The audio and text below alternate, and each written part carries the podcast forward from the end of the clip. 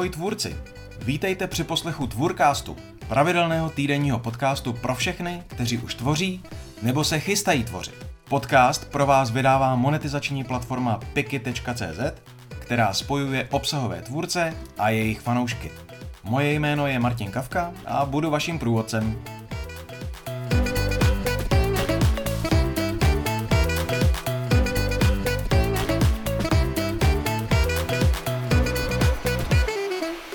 Rychlo kurz přežití pro obsahové tvůrce.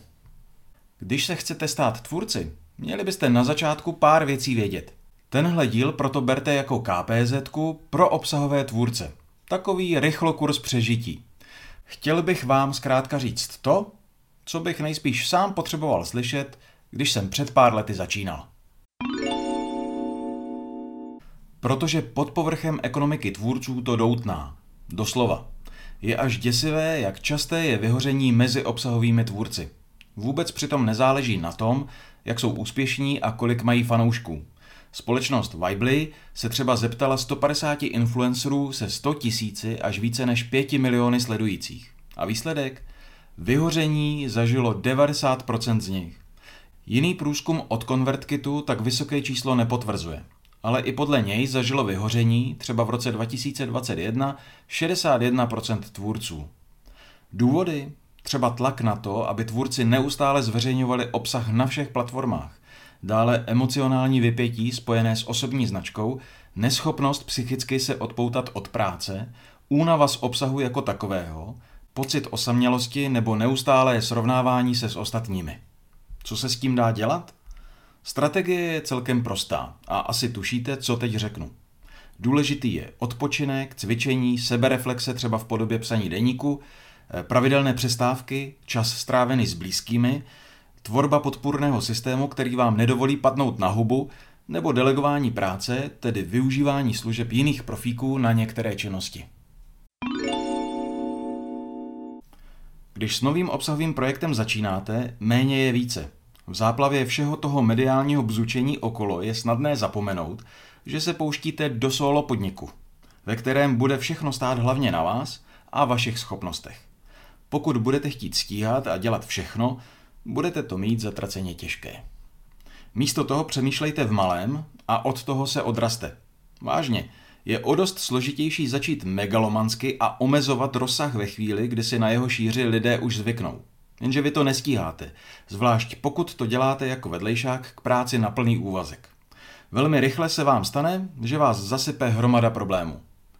Proto ani neplánujte nic za 10 rohů, jen vás to psychicky vyčerpá. Nemusíte chystat ani žádný bombastický start.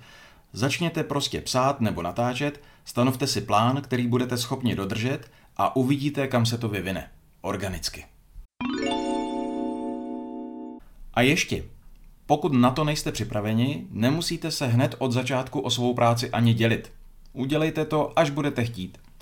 Už několikrát jsem od různých tvůrců slyšel, že třeba první vydání newsletterů posílali jen sami sobě. Myslím, že je to chytrý přístup, který pomáhá krotit očekávání. Začínající tvůrci si často myslí, že něco vydají a stane se z toho senzace. Nejspíš jsme všichni četli o youtuberech, kteří se stali virálními hvězdami hned po prvním videu. Ale pro většinu tvůrců je budování publika maraton, žádný sprint. Už jsem tady zmiňoval průzkum ConvertKitu, tak se k němu vrátím.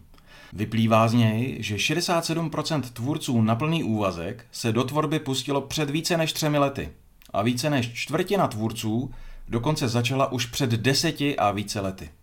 Mají ohromný náskok. Je zbytečné se s nimi porovnávat a hrozit se, jak špatně si vedete.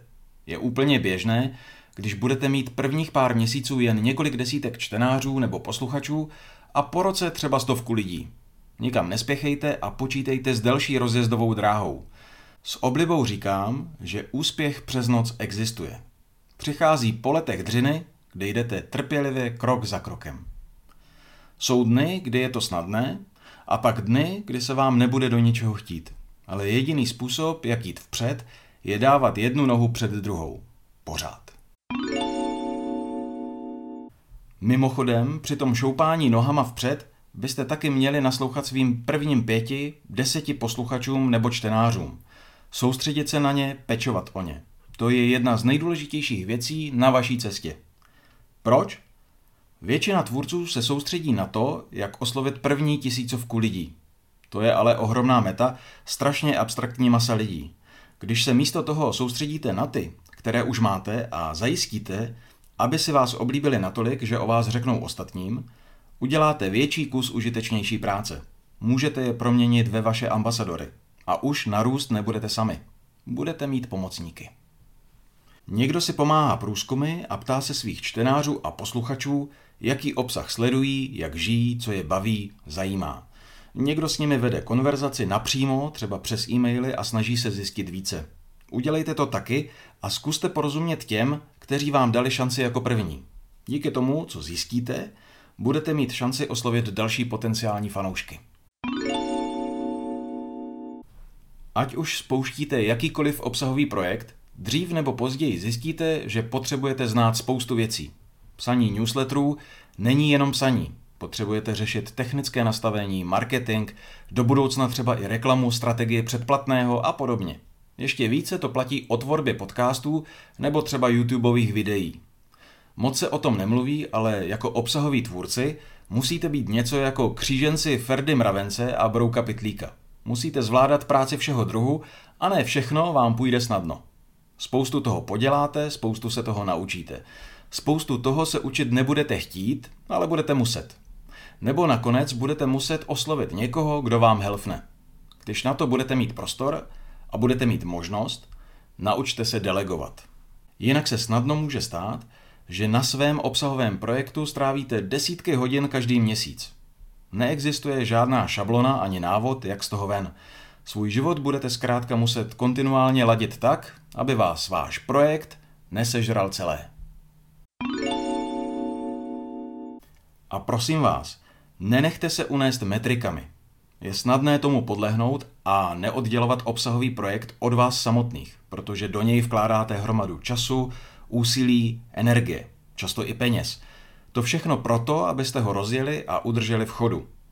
Stejně jako říkají investiční guruové, abyste permanentně neleželi v grafech a nestresovali se vývojem na akciových a jiných trzích, tak podobné rady mám i já. Nesledujte každý týden, kolik odběratelů jste získali. Nepřemýšlejte, jak dlouho bude trvat, než to všechno speněžíte. Neřešte permanentně distribuční kanály. Věřte mi, není to zdravé a poměřovat svou hodnotu jen metrikami bývá ze všeho nejvíc demotivující. Nějaká čísla ve statistikách o vás nevypovídají vůbec nic. Práce na obsahovém projektu bývá často dost osamělá cesta.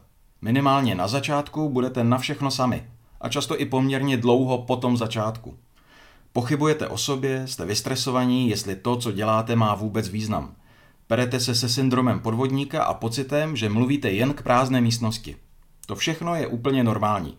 Proto je důležité, abyste si kolem sebe co nejdříve začali tvořit podpůrný systém. Jinak bude péče o sebe samé hodně náročná. Jasně, krátkodobé vypětí se dá zvládnout, ale dlouhodobě už tu zatáčku taky nemusíte vybrat. Může vám pomoci pomalu se rodící komunita kolem vašeho projektu.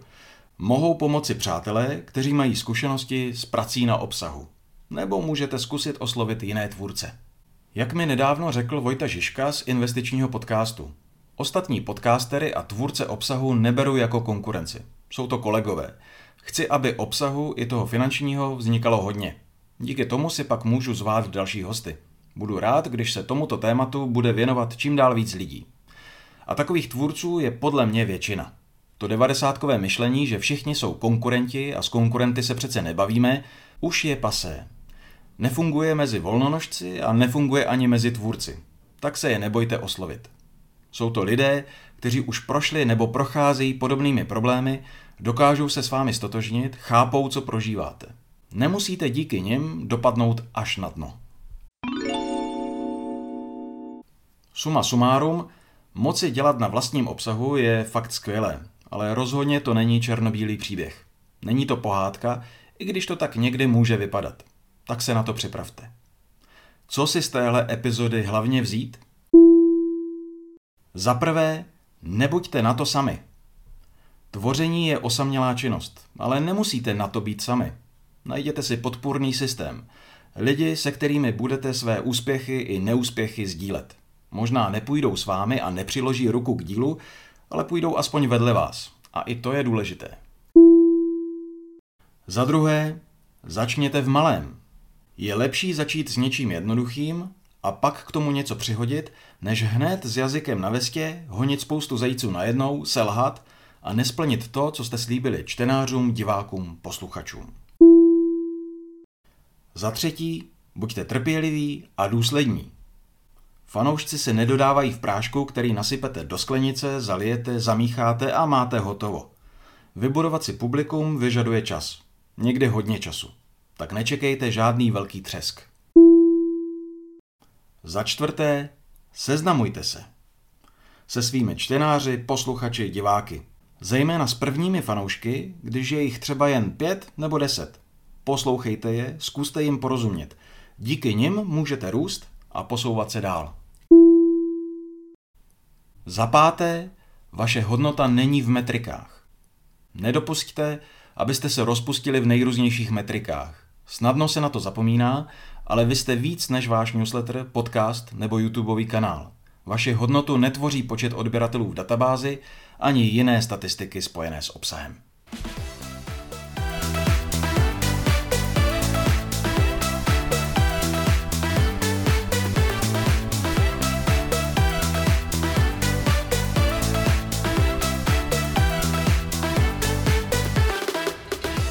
Poslouchali jste Tvůrcast od Piky, platformy spojující obsahové tvůrce a jejich fanoušky. Pokud chcete vědět více, podívejte se na www.piky.cz. Uslyšíme se zase za týden.